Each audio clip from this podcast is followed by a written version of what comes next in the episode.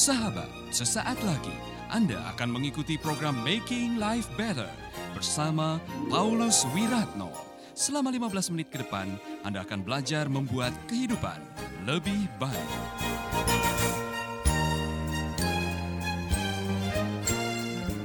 Jangan takut membuat sebuah keputusan tidak populer demi keselamatan rakyat. Kemarin saya membaca sebuah hasil penelitian yang waktu saya mendengar komentatornya memberikan masukan saya cukup bangga. Jadi selama setahun terakhir ini popularitas Pak Jokowi turun sebagai presiden karena menyangkut masalah ekonomi. Tetapi popularitas dalam menangani COVID naik. Nah kemudian ada komentator yang mengatakan Pak Presiden berani mengambil risiko popularitasnya turun dalam ekonomi, yang penting rakyat selamat dari COVID. Walaupun dia dijadikan bulan-bulanan misalkan hoak dan sebagainya, tetapi ini adalah satu contoh. Dalam hidup ini ada waktu di mana kita harus membuat keputusan. Di mana kita harus berani mengorbankan demi kesembuhan, demi pemulihan, demi keselamatan, demi masa depan keluarga kita, demi e, bangsa kita, demi pelayanan, demi orang-orang di sekitar kehidupan kita. Ada waktunya kita dituntut untuk berani berkorban. Amin. Pelajaran yang luar biasa bagi saya dan bagi saudara-saudara. Jangan pernah, dengar baik-baik, jangan pernah menggunakan apa yang menjadi milik Tuhan untuk mendongkrak kemuliaan. Karena apa? Korbannya banyak. Korbannya banyak. Gara-gara menghitung rakyat bikin sensus, korbannya 70 ribu.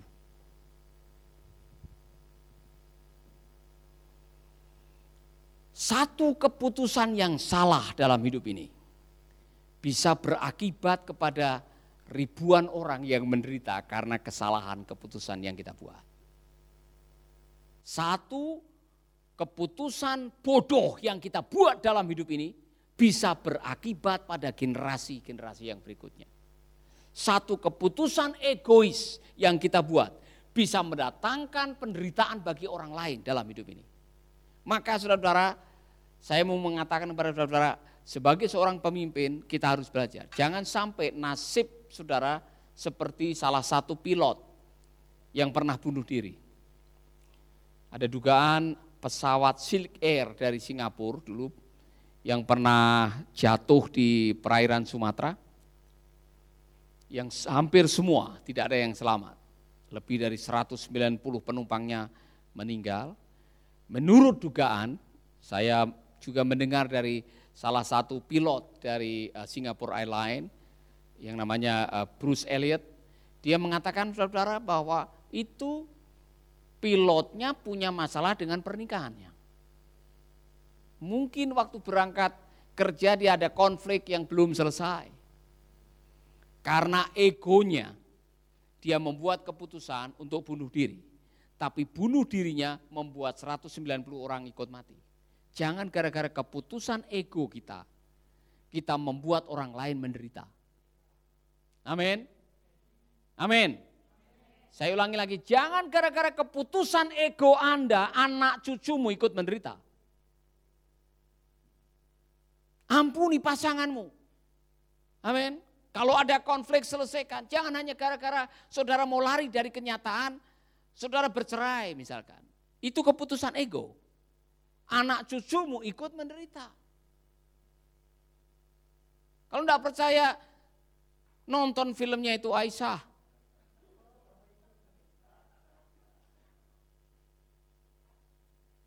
Dia lari dari rumah.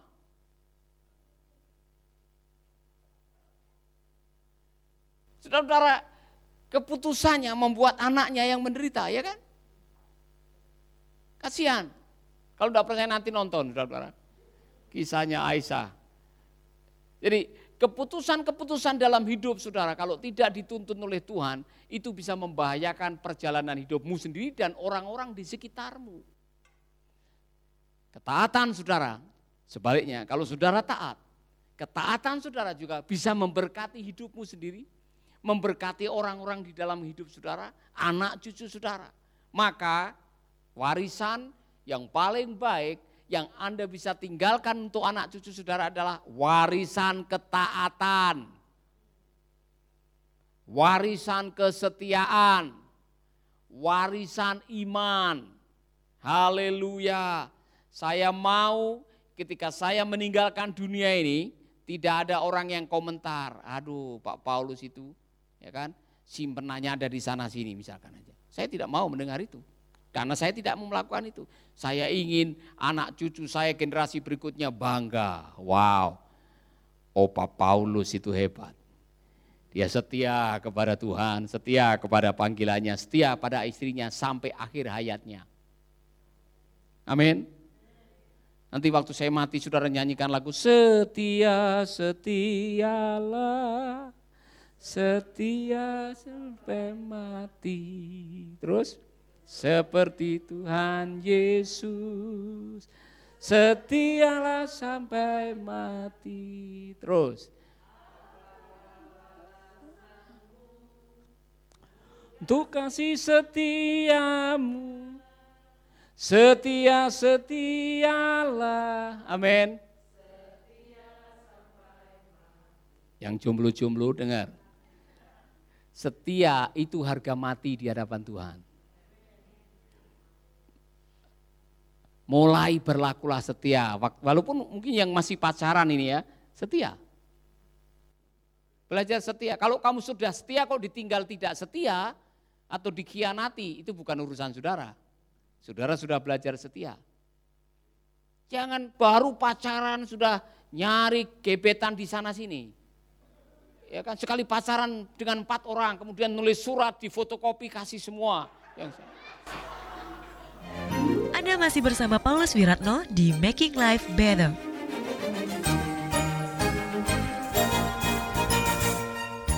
Saya mau bersaksi ini di sekolah kita pada teman saya yang BODOH. Dia pacaran dengan tiga orang, dia nulis surat, suratnya difotokopi.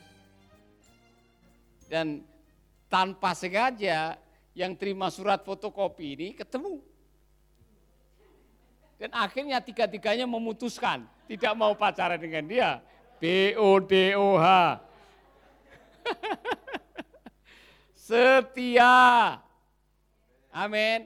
Yang lagi lari dari rumah pulang yang sedang lari dengan pasangan orang lain kembali setia. Nanti saudara masuk surga ada password. Sabatlah hambaku yang baik dan setia. Bang Toyib pulang. Setia. Amin.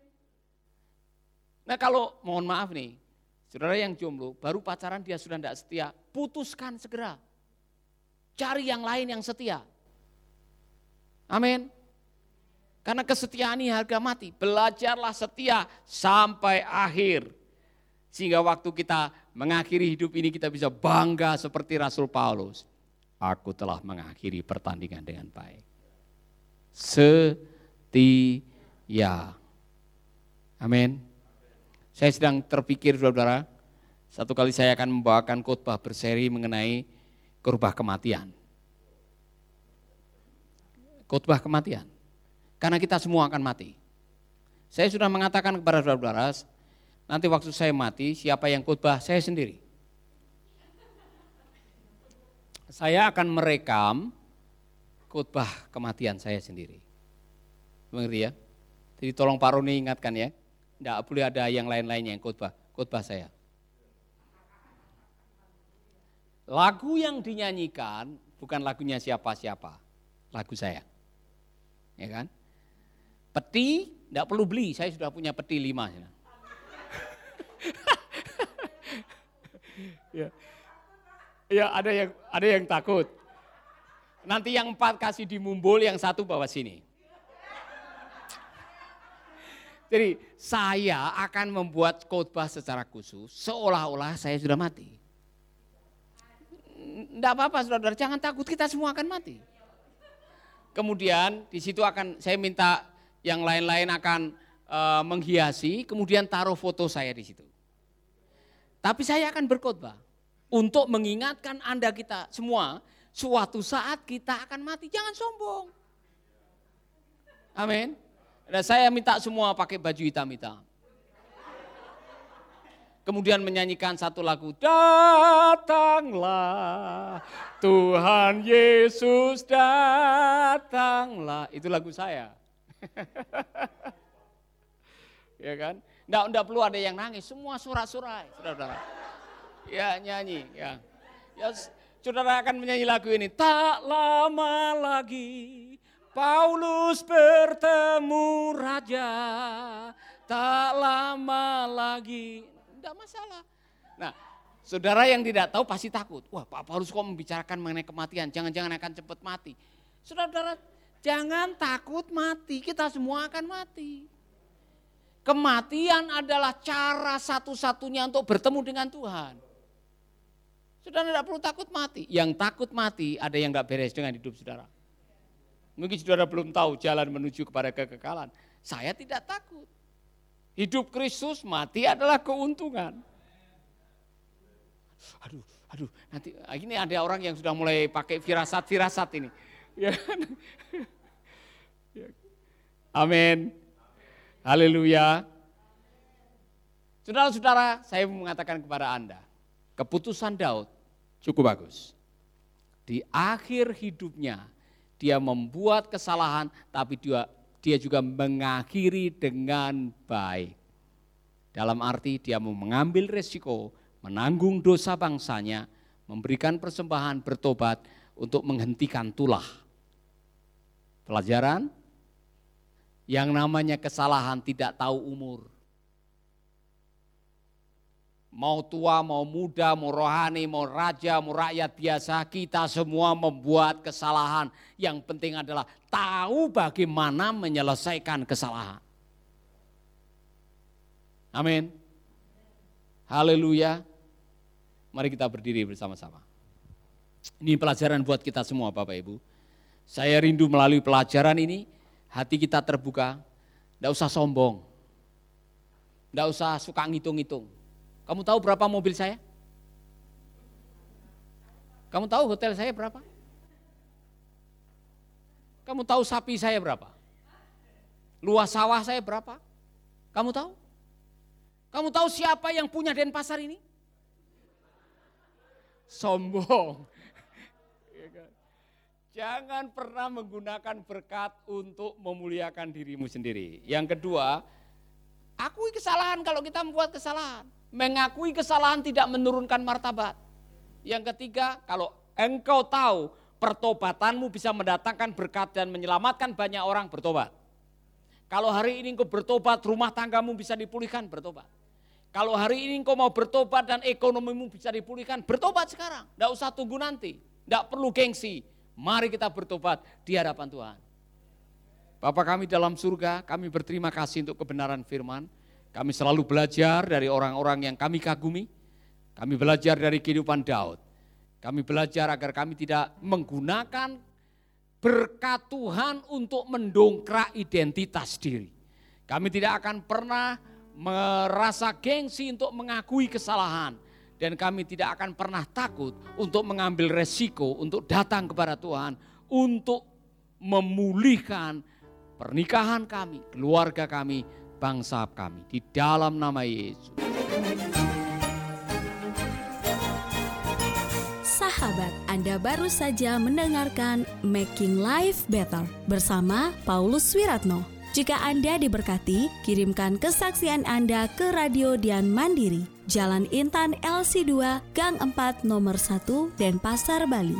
Kunjungi website kami di pauluswiratno.com, Facebook Paulus Wiratno. Hubungi kami di 0811 3901 144 dan 0811 3901 140. Sekali lagi 0811 3901 144 dan 0811 3901 140.